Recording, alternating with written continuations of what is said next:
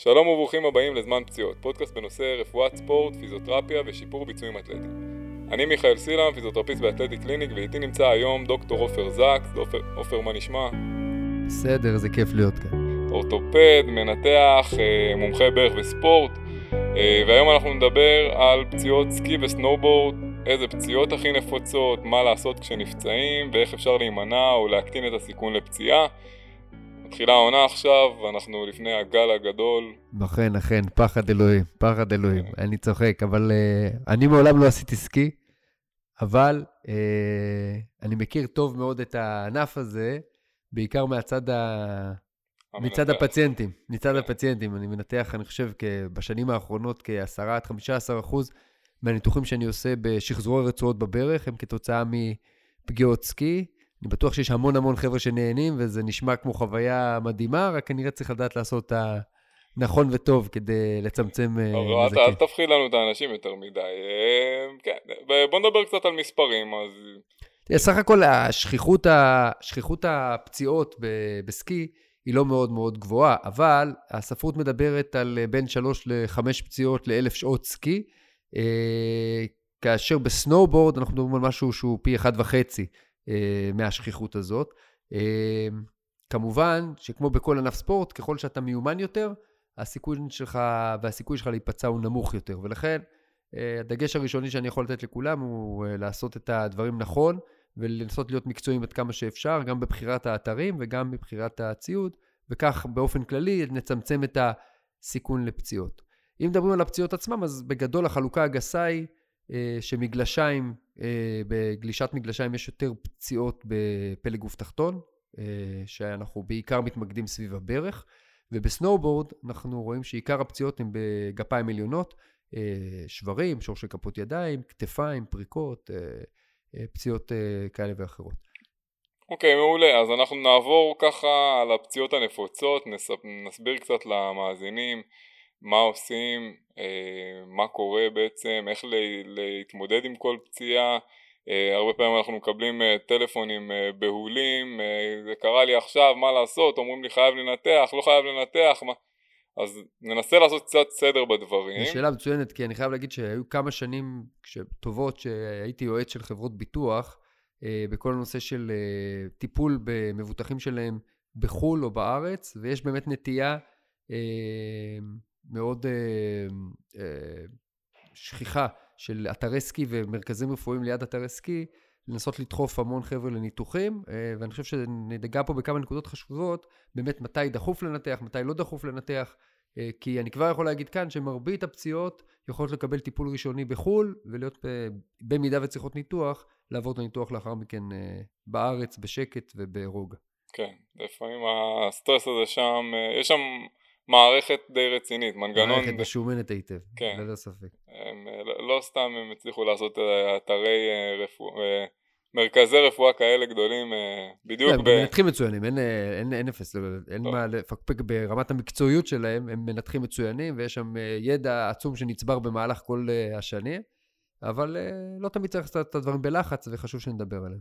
אוקיי, אז נתחיל ככה באחת הפציעות השכיחות דווקא בסנואובורד. אמ, שבר בשורש כף יד, זה אמנם בעיקר אנחנו רואים בסנובורד אבל יכול לקרות באותה מידה גם בסקי. אמ, בואו נדבר קצת על הפציעה הזאת, איך זה קורה. כן, שבר בשורש כף יד בדרך כלל קורה כאשר מישהו, אה, הגולש נופל ומנסה לבלום עם יד מושטת קדימה. יש עומס אה, גדול שהולך על שורש כף היד, אה, ואז באמת נגרם השבר. השבר יכול להיות שבר בלי תזוזה ושבר עם תזוזה, שיש לזה משמעות גם בטיפול הראשוני, והוא יכול להיות שבר חוץ מפרקי או עם מעורבות תוך מפרקית, שבזה יש משמעות גם בטיפול אה, הסופי, בטיפול הדפיניטיבי, מה שאנחנו קוראים. במידה והשבר הוא בלי תזוזה, הטיפול הראשוני, כמובן הכאב הוא כאב חד, יש נפיחות באזור שורש כף יד, הגבלה בתנועה, לא תמיד אנחנו רואים שינוי צורה של המפרק, במידה ויש שינוי צורה אז אנחנו ככל הנראה מתעסקים פה עם שבר בתזוזה. הטיפול הראשוני צריך להיות uh, צילום, כמובן, אה, קודם קיבוע ראשוני של היד, למנוע כאב. הקיבוע מפחית כאב בצורה דרמטית, ולא משנה אם זה עם תזוזה או בלי תזוזה. זאת אומרת, לפעמים אנשים נבהלים שמקבעים להם את היד בזווית ש... שהם רואים שהיד שלהם בכלל לא בזווית אה, נכונה, אבל הם צריכים להבין שזה... עיקר הרעיון פה הוא בכלל כדי להוריד כאבים. כאב, חד משמעי. צריך okay. אוקיי. קיבוע ראשוני להפחית כאב ולא משנה באיזה מנח היד. ולאחר מכן להביא כמה שיותר מהר באמת למרכז רפואי, לעשות צילום, להבין עם מה מתמודדים. במידה ומדובר בשבר ללא תזוזה, אז הטיפול הוא בדרך כלל גבס, ולאחר מכן אנחנו עושים צילום ביקורת, לאחר עשרה ימים, שבוע עשרה ימים לראות שהעמדה שמורה ולא הייתה שינוי בעמדה, ואם הכל בסדר, סוגרים שישה שבועות בגבס, באנשים מבוגרים, בילדים קצת פחות, לאחר מכן מורידים, פיזיותרפיה וחוזרים לפעילות. במידה ומדובר בשבר בתזוזה, אז יש עוד פעולה אחת שצריך לעשות לפני ששמים בגבס, וזה שחזור של השבר. השחזור נעשה בדרך כלל תחת הרדמה או הרדמה מקומית לתוך השורש כף יד עצמו, או טשטוש, תלוי במידת התזוזה והרדוקציה, השחזור שצריך לעשות. אה, ולאחר שעושים את השחזור ראשונית בחדר המיון, אה, שמים גבס, וגם כאן, צילום ביקורת לאחר אה, שבוע, עשרה ימים, לראות שהעמדה תקינה. כמובן, אם ראינו שבמיון גם קיבלנו עמדה תקינה. ומשם, עם העמדה תקינה אחרי שבוע, עשרה ימים, ממשיכים כמו שבר ללא תזוזה, שישה שבועות סוגרים בגבס ולאחר מכן פיזיותרפיה. מה, מה המצבים שבעצם מצריכים ניתוח? מתי מנתחים? הניתוח מתבקש או נצרך כאשר יש מעורבות תוך מפרקית. כשהמפרק מעורב או יש מדרגה בתוך המפרק או ריסוק, אה, צריך ממש לשחזר את המשטח המפרקי עד כמה שאפשר לעמדה האנטומית שלו. אנחנו נסביר שנייה למאזינים, בעצם כשאתה אומר שהמפרק נפגע, זה בעצם בדרך כלל השבר הוא קצת יותר... אה, מתחת ג... לשורש כף אם כן. אתה ממשש את השורש כף אתה רואה שיש איזה מין גאפ כזה, מין פער כזה בין היד לעצם אה, הרדיוס, לאמה. זה שורש כף היד, זה המפרק עצמו. בדרך כלל השבר הוא מתחת, כלומר הוא יותר לכיוון הגוף, פחות לכיוון כף היד, הוא יותר לכיוון הגוף. ואז ברגע שיש שבר חוץ מפרקי, לרוב הטיפול הוא יהיה טיפול שמרני. שמרני ולא ניתוחי.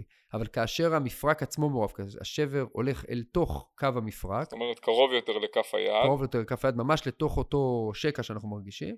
אה, אז אנחנו ככל הנראה נצטרך לבצע ניתוח, לשחזר בצורה אנטומית, כלומר, כמו, ש... או... כמו שהיצרן אה, ייצר, כן. כדי למנוע הגבלות בתנועה בהמשך ושחיקת סחוס של המפרק. זה דחוף? לא, הניתוח הוא לא דחוף. אנחנו יכולים לעשות קיבוע, שחזור וקיבוע ראשוני, גם אם זה שבר תוך מפרקי וגם אם העמדה היא לא לגמרי מתקבלת. יש לנו בדרך כלל סדר גודל של שבוע עד עשרה ימים לבצע את הניתוח, ולפעמים אפילו מומלץ, כי ככה אנחנו מורידים את הנפיחות הראשונית, הנפיחות יורדת, קל יותר לגשת למפרק, פחות לחץ על הרקמה הרכה כשתופרים את ה... בסוף הניתוח, אה, ולכן אין דחיפות. אפשר לשים סד גבס או גבס ראשונית, לבוא לארץ, להיות מנותחים בארץ בשקט. אוקיי, okay, מעולה. אז זה בעצם אחד השברים הכי נפוצים, אנחנו נעבור לפגיעה שהיא פגיעת רצועות לרוב, אה, נקראת skier, skier's thumb, בעצם בכל ענף יש לנו golfer's elbow, swimmer's knee, בכל ענף יש לו את, ה, את הפציעה השכיחה שלו, אז אחת הפציעות, או שקיבל אה, לפחות אה, שם כזה, אז אחת הפציעות הנפוצות בסקי זה פציעה באגודל, בבסיס האגודל, כן, כן. באחת הרצועות שם. אה, והיא קורית ממצב של החזקה, אה, נפילה יחד עם ה... אה, עם המקל, מקל הסקי, ויש עומס שהמקל מפעיל על האגודל, פשוט כמו פותח את האגודל, ואותה פתיחה של האגודל גורמת לקרע של רצועה שנקראת אולנר קולטרל ליגמנט. הרצועה הזאת מייצבת, היא אחת מהמייצבים של המפרק בבסיס האגודל, ואם היא נפגעת, אז קודם כל בשלב הפגיעה החריפה יש תחושת כמו פופ כזאת, ניתוק. אה, נפיחות שלאחר מכן מתקיימת, אה, קושי להניע את האגודל. אה, בהמשך, במצב הכרוני של ה skier's thumb, של אותה פציעה, אז יש קושי בהפעלת כוח, מפרק האגודל, עומס על המפרק גורם לכאבים, קשה לפתוח, דל, כן. לפתוח דלת, למפתח, להפעיל כוחות עם... אז אחד, אחד הדברים שאנשים חוזרים ואומרים, הם, שהם לא מצליחים באמת... לסובב מפתח או בעצם ללחוץ כל דבר בין האצבעות הלחץ שלה בין האגודל לאצבע בעצם מפעיל סטרס על הרצועה הזאת ואז מופיעים כאבים נכון נכון, אמ, נכון. מה הטיפול? טיפול הראשוני כמו כל אה, פציעה אקוטית אנחנו צריכים לקרר להוריד נפיחות לשים קיבוע הקיבוע לרוב הוא הטיפול גם הדפיניטיבי ברוב המקרים במידה ויש לנו איזושהי חתיכת עצם שנתלשה, ממש הרצועה לקחה איתה איזו חתיכה של עצם אה, גדולה מתוך האגודל, אז יש מנתחי כף יד שגם לפעמים כבר מקבים ראשונית אה, את העצם ומצליחים אה, לקבע את המפרק, אבל לרוב הטיפול הראשוני הוא טיפול שמרני. כשאנחנו שומעים את הטיפול הניתוחי למצב שבו נותרה איזושהי הגבלה כרונית, ואז צריך לעשות אה, קיבוע של הרצועה, שחזור שלה לפעמים, וכבר פעולות ניתוחיות לא שכיחות. לא שכיחות וכאמור גם לא דחופות. לא דחופות, בהחלט לא דחופות, אין שום דחיפות שגורמת למישהו לעבור ניתוח, לסקיר סתם תוך יום-יומיים מהפציעה. אפשר לחכות גם כאן במינימום, גם אם יש חתיכת עצם אה, תלושה, שבוע עד עשרה ימים לפחות. אוקיי, okay, אז איך אפשר להימנע? זה לא הרבה יודעים, או הרבה מחזיקים בצורה לא נכונה את המקל, הם מכניסים את הרצועה, קשה לי להדגים את זה בפודקאסט, אבל בגדול הדרך שלנו היא להכניס את, הרצ... את היד לתוך הרצועה כשהרצועה רפויה כלפי מטה ולא להרים את הרצועה, להכניס את היד ואז לסובב את זה כי אז אנחנו לא יכולים להוציא את היד בעצם, אנחנו נעולים עם ההחזקה אה, וכשאנחנו נופלים אנחנו אמורים לעזוב, להרפות את המקל ו... וזה בסדר. אם הכנסנו בצורה כזאת מסובבת את היד אז בעצם נשארנו תקועים עם המקל ביד ואז אנחנו נופלים והמקל נשאר לנו ביד ודוחף לנו את האצבע החוצה. אה, אז שימו לב שאתם מכניסים את היד לרצועה כמו שצריך ולא עושים את כל הסיבוב הזה. בואו נדבר שנייה על אה, שבר בעצם הבריח, שבר בקלוויקולה, אנחנו רואים את זה הרבה בסנובורד אבל גם בסקי זה קורה לא מעט. כן, שבר בעצם הבריח, גם עצם הבריח היא העצם שנמצאת בין הסטרנום, בין העצם החזה המרכזית לבין הכתף, שתי הכתפיים, יש לנו שתיים כאלה. אה, עצם הבריח היא עצם שגם יכולה להישבר בנפילה, בדרך כלל בחבלה ישירה, או גם כאן נפילה על יד מושטת וכוח מאוד uh, uh, עצים שעובר על, ה, על אותה עצם שנקראת קלוויקולה. Uh, השבר uh, בדרך כלל מתרחש בשליש או האמצעי של העצם, או קצת יותר לכיוון הכתף. נדיר מאוד שזה קורה בחלק הקרוב יותר לחזה. Uh, ולרוב זה שבר שיש בו תזוזה. עכשיו, מידת התזוזה היא גם תקבע את אה, מידת הטיפול השמרני או הניתוחי. אה, האם יש איזשהו באמת פער גדול בין שני חלקי העצם שנשברו. אה, וגם כאן הטיפול לרוב הוא לא דחוף, הטיפול הראשוני הוא קירור מקומי, לשים את היד במתלה כדי להזיז כמה שפחות את ה... יש להם איזה מתלה מיוחד שנראה כזאת כמו שמינייה שלוחצת... אה, נכון, למרות שהמתלה הזה, לרוב בשלבים הראשונים האקוטיים, החריפים, לא שמים אותו, שמים פשוט את היד במתלה רגיל, כן. כדי פשוט להזיז כמה שפחות את הכתף ואת היד, להרגיע את המקום. אה, מתי כן שבר אה, clavicula הופך להיות שבר יחסית דחוף לטיפול? כשאנחנו, מה שנקרא, יש tenting של העור, כמו אוהל של העור, כי השבר עצמו, ברגע שהוא קורה במרכז העצם, והשפיץ עולה כלפי מעלה, הוא יכול לחורר את האור, והעצם יכולה לבלוט החוצה במקרים מאוד אה, לא, לא שכיחים, אבל זה יכול לקרות, ואז זה בעצם שבר פתוח. כי עצם הקלוויקולה היא עצם יחסית שטחית, בינה לבין האור אין יותר מדי, ולכן אם היא בעצם אה, הולכת כלפי מעלה, היא מייצרת שבר פתוח, ואז צריך להתערב באופן אה, יותר אה, מהיר.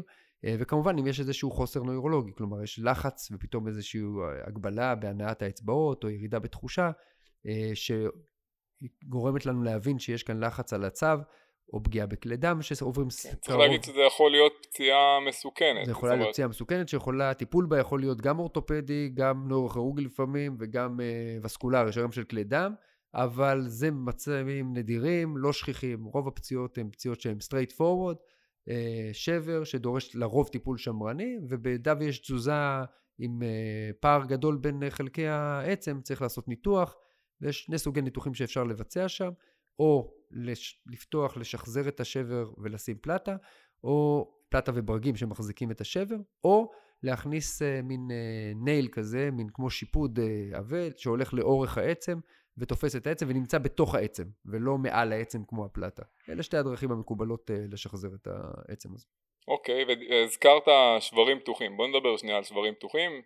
מה, מה, מה ההגדרה בעצם, מה ההתייחסות מבחינת האורתופדים לשברים פתוחים, כי זה תמיד מורכב יותר, זה גם מבהיל. שבר פתוח הוא קודם כל מצב חירום אורתופדי, אין הרבה מצבים, מצבי חירום אורתופדיים אמיתיים. שבר פתוח אבל הוא מצב שדורש התערבות אורתופדית דחופה, אה, מכיוון שהוא חושף עצם לסביבה החיצונית. הפחד הגדול שלנו בשבר אה, פתוח והעיקרי הוא זיהום.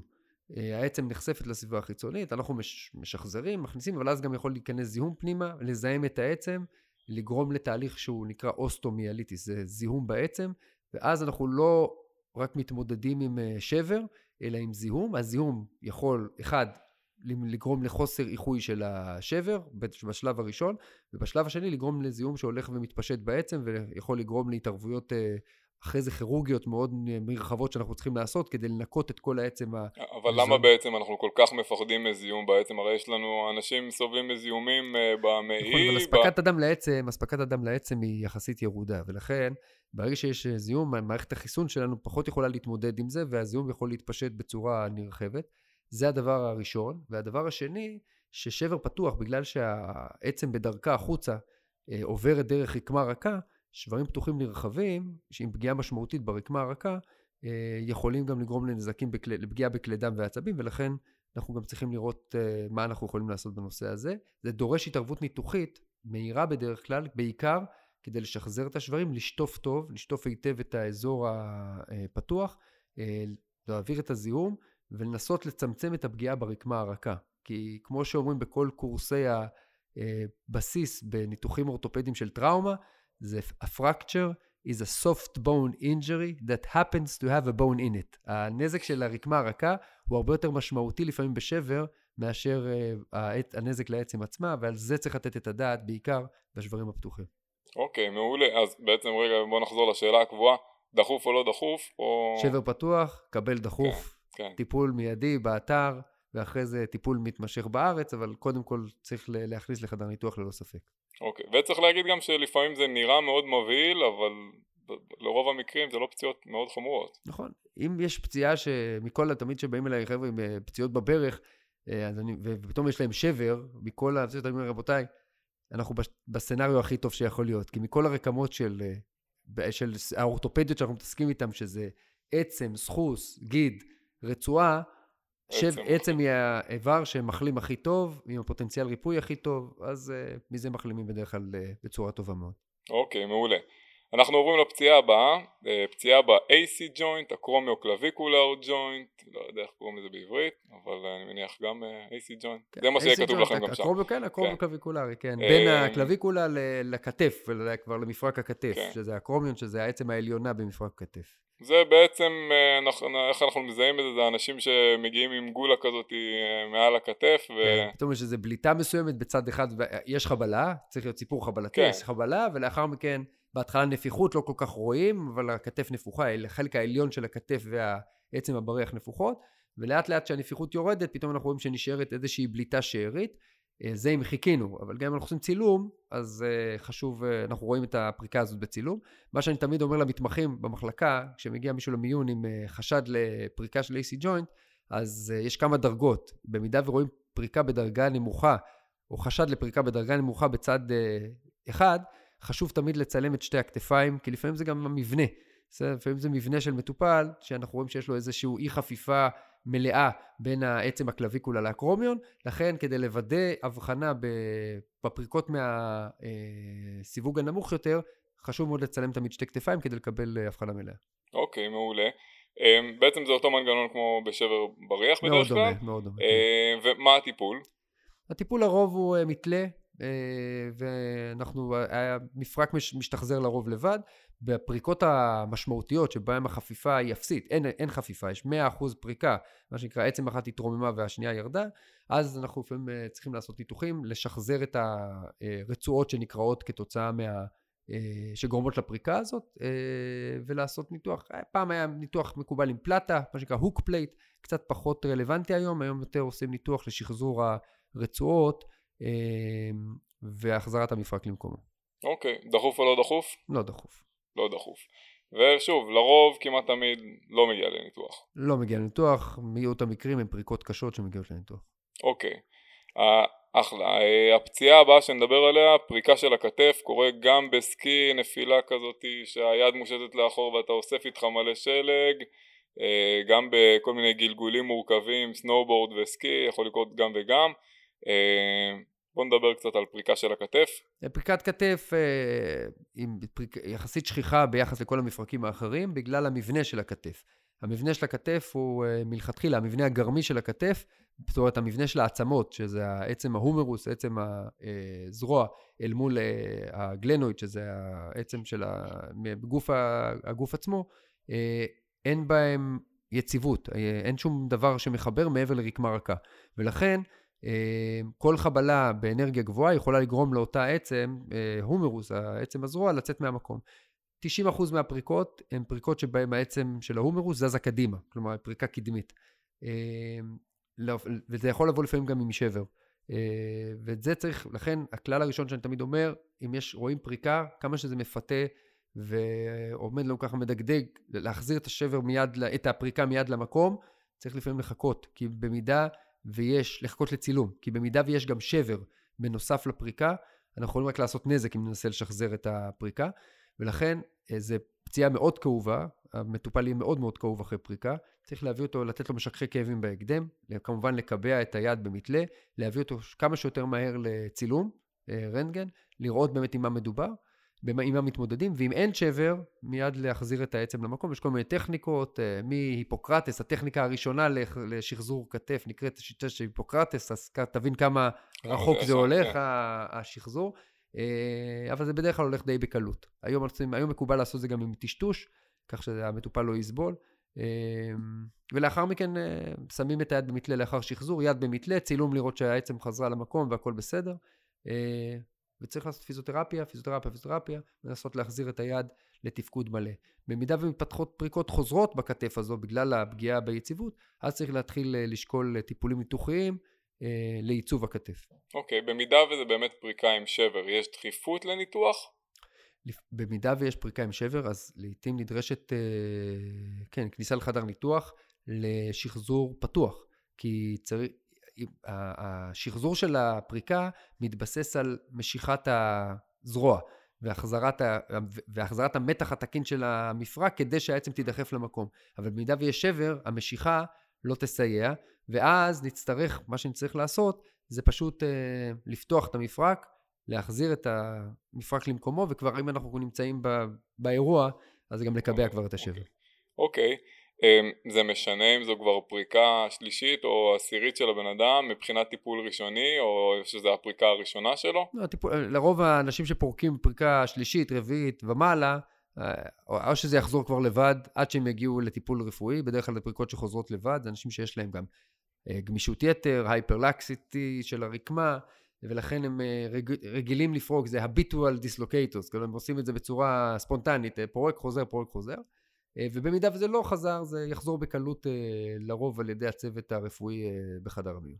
אוקיי okay, אבל לצורך העניין אדם שעובר פריקות חוזרות עדיין צריך לעשות צילום כדי לוודא. משמעי. כן. אנחנו לא נשחזר וזה חוק בל יעבור לא משחזרים לפני שיש צילום אלא אם כן אתה עכשיו עושה גולש באיזה אתר מרוחק שהמרכז הרפואי הקרוב הוא לא יודע עשרות קילומטרים ואין חילוץ והבן אדם סובל מכאבים איומים אז יכול להיות שאולי שם במקרה החריג הזה הייתי מנסה להחזיר אה, למרות אה, כל מה שאמרתי קודם, אבל זה באמת מצב נדיר, נדיר מאוד. אוקיי. אמ, פציעה האחרונה שלנו של גפה עליונה ואחרי זה נעבור לפציעות בגפיים התחתונות, שבר בצוואר ההומרוס. אוקיי, קורה לנו בשני סוגי אוכלוסיות, בצעירים, בעיקר בסנובורד, נפילה ישירה. אה, או שבר תלישה כזה ואצל מבוגרים היום אנחנו לא לא נדיר לראות חבר'ה בני 60 ומעלה, ראיתי גם 80 אה, באתרי סקי ושברים אוסטאופורוטיים בצוואר ההומרוס, מה הטיפול, מה קורה שם בעצם? בדרך כלל זה עוד פעם, זה כוחות דומים לכוחות שקורים בנפילה, או נפילה ישירה על אה, הכתף, או אה, כוחות שעובדים בנפילה עם יד מושטת קדימה על הכתף, אז נקודת הכשל יכולה לפעמים להיות בצוואר ההומרוס. גם כאן אה, נשאלת השאלה כמה הראש של ההומוס, כמה ראש העצם, זה שבא במגע עם המפרק מעורב, במידה וזה רק הצוואר והראש לא מעורב בצורה משמעותית, אנחנו לפעמים אה, לרוב מסתדרים עם טיפול שהוא טיפול שמרני, העצם מתחה, הטיפול הוא במתלה בלבד, יד במתלה, מקובעת לגוף, אה, והזמן עושה את שלו, לאחר מכן עושים פיזיותרפיה די ממושכת כדי להחזיר טווחים ותנועה וגמישות של המפרק. אה, אבל במידה ויש שבר בתזוזה ניכרת, או שיש מעורבות של הראש, אז זה כבר תלוי גם בגיל של המטופל, אה, מה הניתוח שנציע לו. או שנעשה קיבוע, שזה הטיפול השכיח במידה והמפרק לא מעורב והראש לא מרוסק, אלא רק הצוואר מעורב.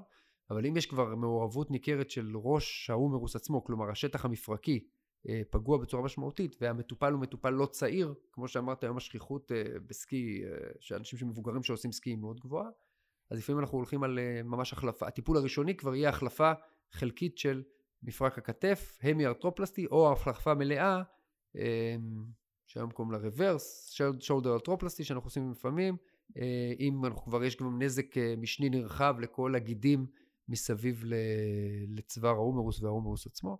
אבל גם כאן, אם זה אנשים צעירים, אנחנו הולך לקיבוע לרוב, והם חוזרים לתפקוד תקין וטוב. שצעירים, שוב, זה 40, 50, גם נכנסים. 40, 50 צעירים, כן. כן. צעירים שלך. מה אני אגיד על עצמי? מה אני אגיד על עצמי? לא, לא נדבר. אה, אוקיי, בואו נדבר שנייה על, אה, קודם כל, רגע, דחוף, לא דחוף? אל הרוב לא דחוף.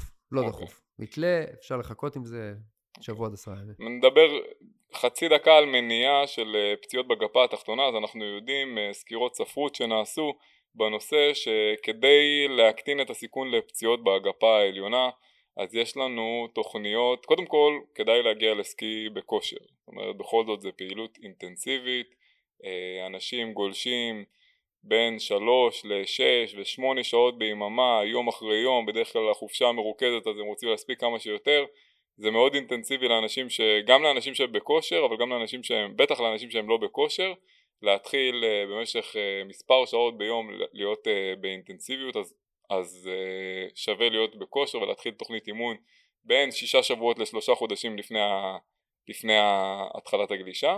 uh, ומסקירות שנעשו אז אנחנו רואים שבעצם uh, לימוד של אסטרטגיית נחיתה ובלימה ובעצם כל מיני תרגילים שמשלבים uh, נפילה גם אם זה מגובה מאוד קטן, מגובה מדרגה, נפילה והושטת יד ומהירות תגובה uh, מקטינים את הסיכון לרוב פציעות הגפה העליונה בעצם שורש כף יד, אה, קלוויקולה, אה, AC ג'וינט וכולי.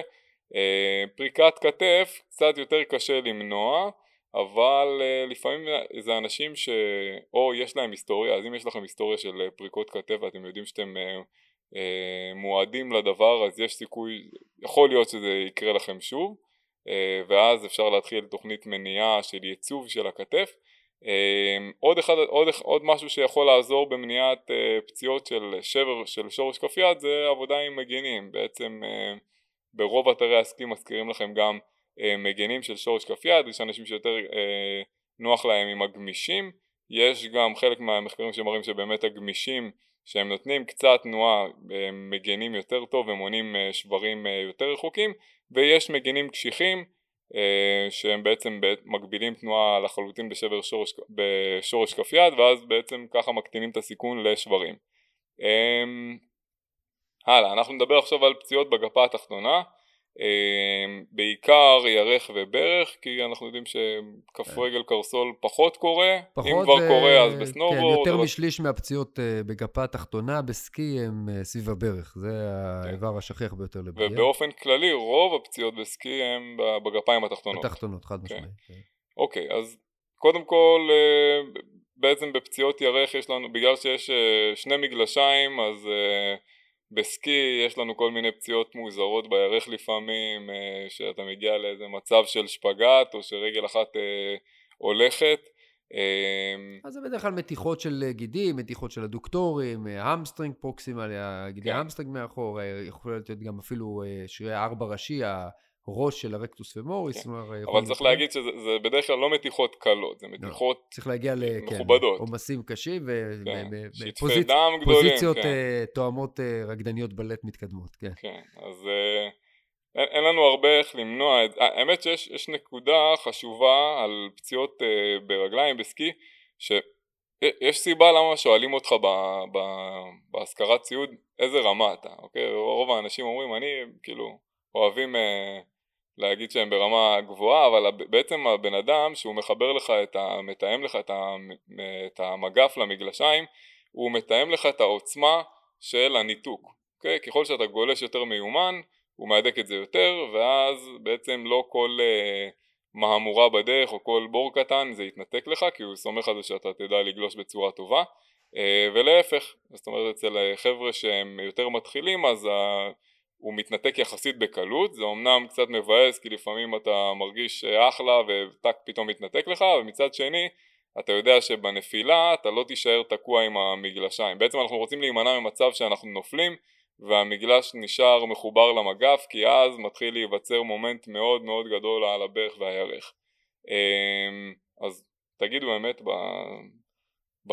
כששואלים אתכם באיזה רמה אתם ובעצם דרך קצת למנוע את הפציעות ירך האלה וגם את הברך זה בעצם אה, אם אתם אה, חוששים אולי להתחיל עם כיוון של חיבור יותר חלש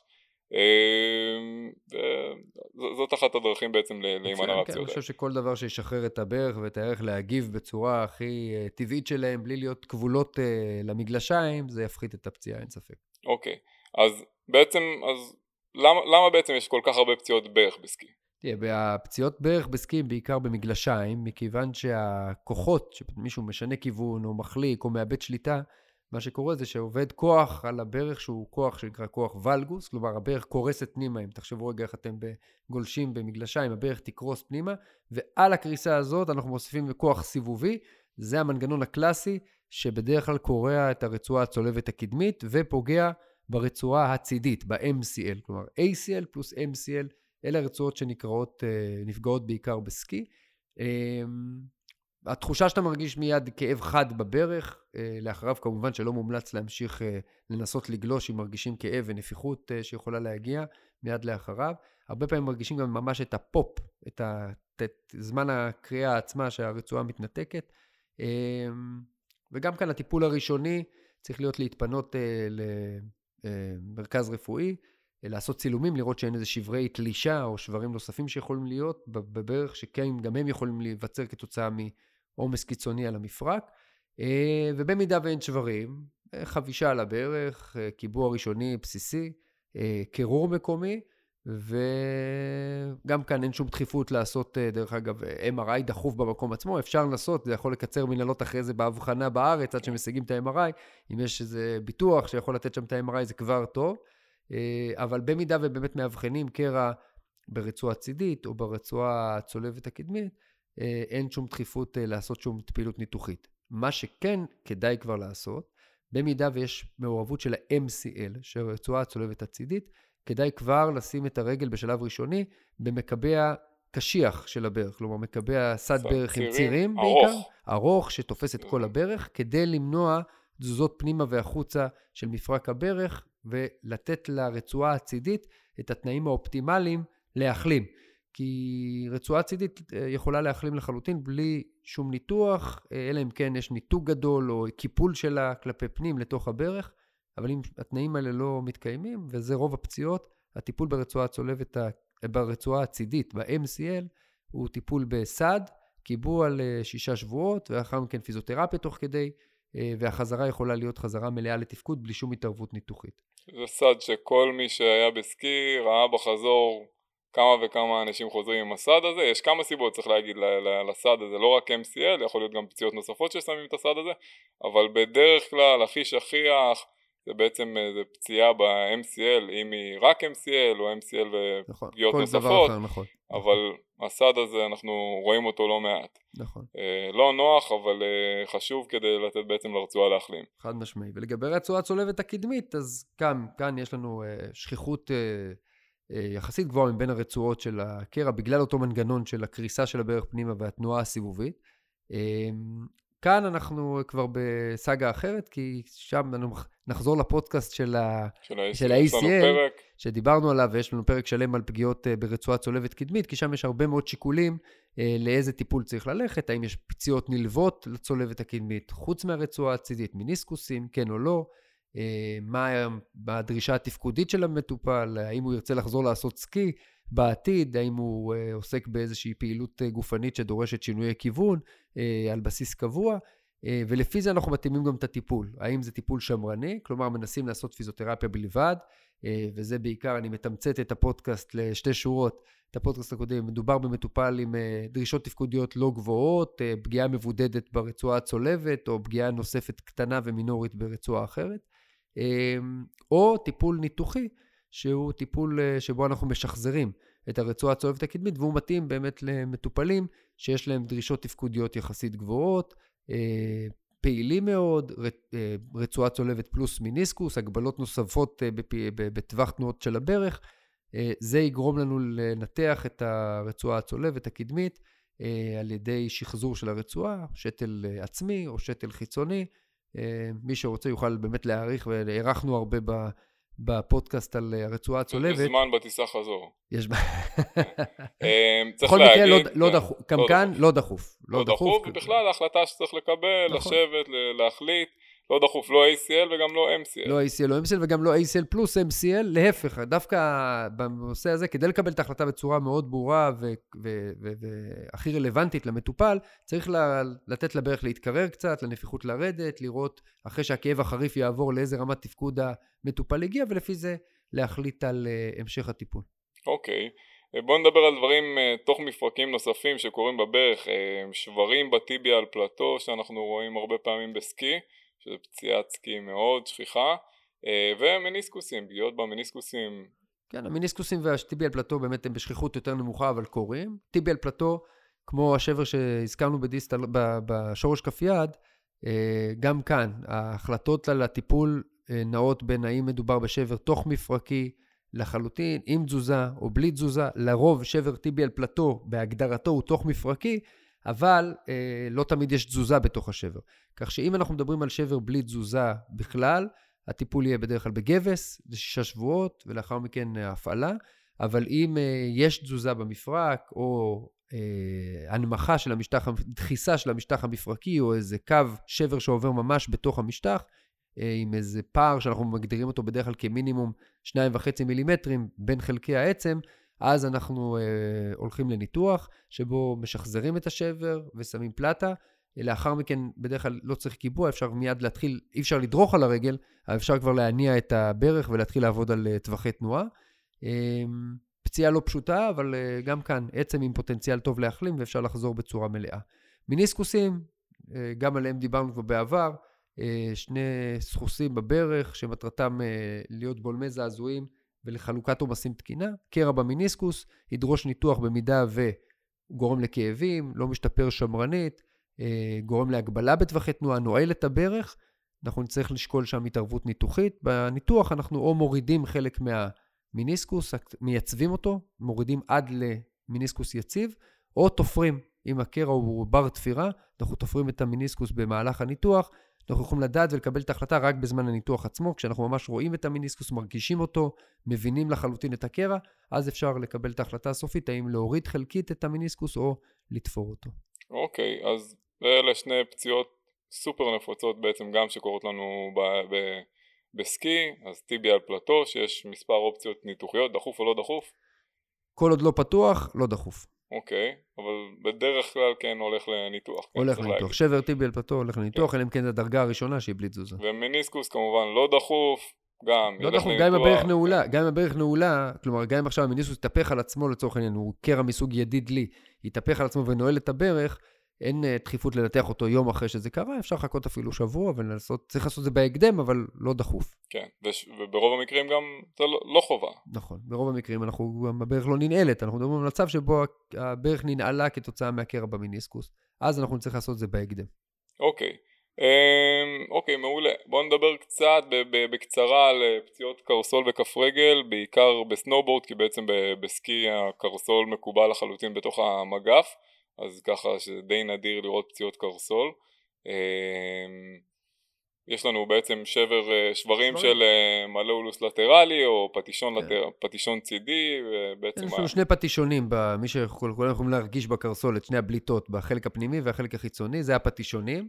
אה, הם יכולים להישבר כתוצאה משוב תנועה סיבובית חזקה שעובדת על הקרסול. גם כאן, אותם אלמנטים, אותם שיקולים, האם יש תזוזה, אין תזוזה. אה, האם זה פתוח או סגור. אה, אם זה פתוח, כמובן, עוד פעם, זה הופך את זה לדחוף. אם זה לא פתוח, אפשר לשחזר ראשונית, לראות לאיזה עמדה מקבלים, לשים סד ראשוני, סד גבס או גבס אה, לקיבוע ראשוני, ולהחליט על ניתוח כשבוע, עשרה ימים מהשבר עצמו. שוב, אפשר לנתח גם יום אחרי או יומיים אחרי, למרות שבשברי קרסול, בדרך כלל מקובל, לאו דווקא בסקיל בכלל, שאו שמנתחים ב-24 שעות הראשונות, או שמחכים את השבוע עשרה ימים. מכיוון שברגע שהקרסול מתנפח, אה, העצם עצמה, העצמות, כל אחד יכול לגעת לעצמו בפטישונים ולראות כמה הם שטחיים. אה, ואם יש נפיחות גדולה של רקמה רכה, ואנחנו מקבעים את השברים עם פלטות וברגים, ואחרי זה רוצים לסגור את האור על אותם שברים, אם יש נפיחות ניכרת של הרקמה הרכה, יכולים להיות שייווצר שם פצעים, וזה יכול, העור לא יכול להיסגר טוב, ואז יהיה זיהום משני.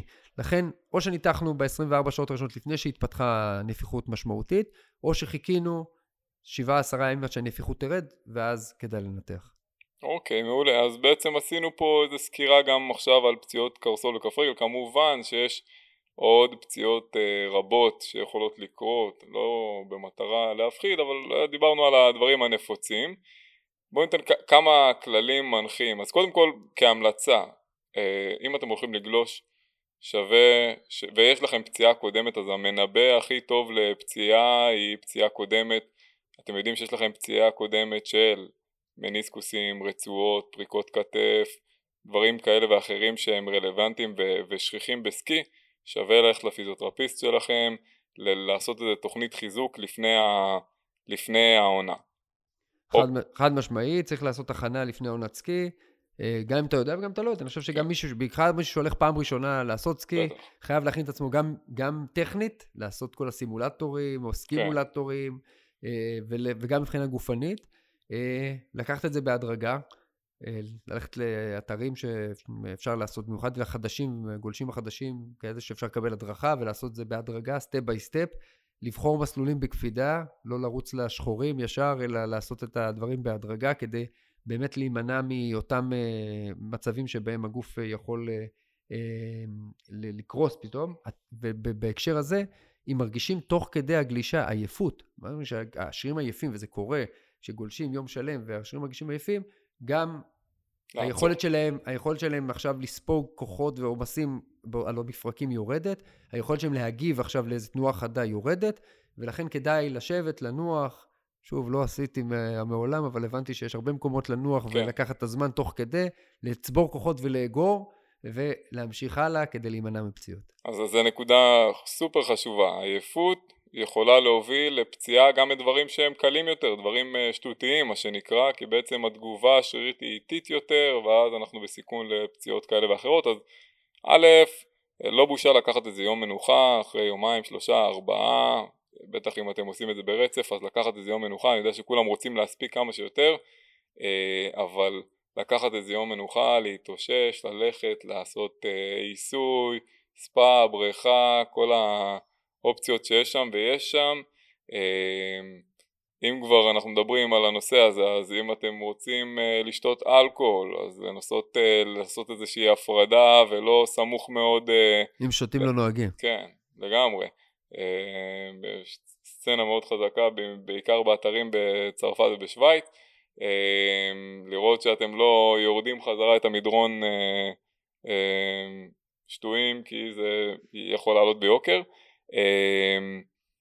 לראות שאתם מתאוששים כמו שצריך, להקשיב לגוף, לראות אם אתם עייפים אז לעשות עצירות, לא להתבייש להתחיל את זה הדרגתי ביום הראשון, שעתיים, שלוש, עם הדרכה ולאט לאט להגביר את השעות, גם אם אתם תותחי על, בכל זאת כנראה שבחצי שנה, שנה האחרונה לא עשיתם סקי אז שווה להיכנס לזה בהדרגה כמו כל ספורט. אמ, ונדבר מילה על ציוד, קסדה, זה חובה. משקפי שמש, לא לקחת משקפי שמש רגילות, יש חשיבות למשקפיים של הסקי, אמ, מגנים, שורש כף יד אם אתם עושים סנואובורד, אה, סקי לפי תחושה כל אחד, מגני ישבן לסנואובורד, לא דיברנו על זה אבל אחת הפציעות שם, אה, הרבה פציעות שם זה מהנפילות לאחור על עצם הזנב ועל הגב, אז יש שם מגנים ייעודיים כאלה מאוד נוחים, לא לחסוך בזה. ביגוד כמו שצריך, לא להתחיל עכשיו אה, להתבלגן עם אה, דובון צה"לי או איזה משהו כזה, אנחנו רואים אותם מדי פעם. אה, ושוב, בעיקר בעיקר להקשיב לגוף, לעשות הכנה כמו שצריך ואם כבר קורה איזה משהו, לא להילחץ, לנסות להבין שנייה האם הדבר הזה הוא הכרחי לביצוע שם או שאפשר לחשוב על הדברים, לעשות כמובן כל מה שצריך בשלבים הראשוניים החירומיים ולאחר מכן לעשות את הדברים בשיקול דעת כמו שצריך אחרי שבחנו את זה ולא אה, ככה מהר מהר להיכנס לאיזה ניתוח שאנחנו לא יודעים אה, האם הוא הכרחי לנו או, ו, ו, ומה המשמעות של להיכנס לניתוח כזה כי ניתוח אה, צולבת לצורך העניין הוא מאוד קצר אבל המשמעות של זה אחר כך היא מאוד ארוכה אה, זהו עוד משהו לסיום? לא. בעיקר, בעיקר ליהנות, כן. ליהנות. ליהנות, לא, לא, אני מקווה שלא עצרנו קצת לחץ בזה. אז uh, תודה רבה, אם יש לכם שאלות מוזמנים לשאול אותנו בפייסבוק, באינסטגרם, במייל uh, או בכל פלטפורמה אחרת. Uh, תודה רבה ולהתראות בפרק הבא. ביי, היה כיף.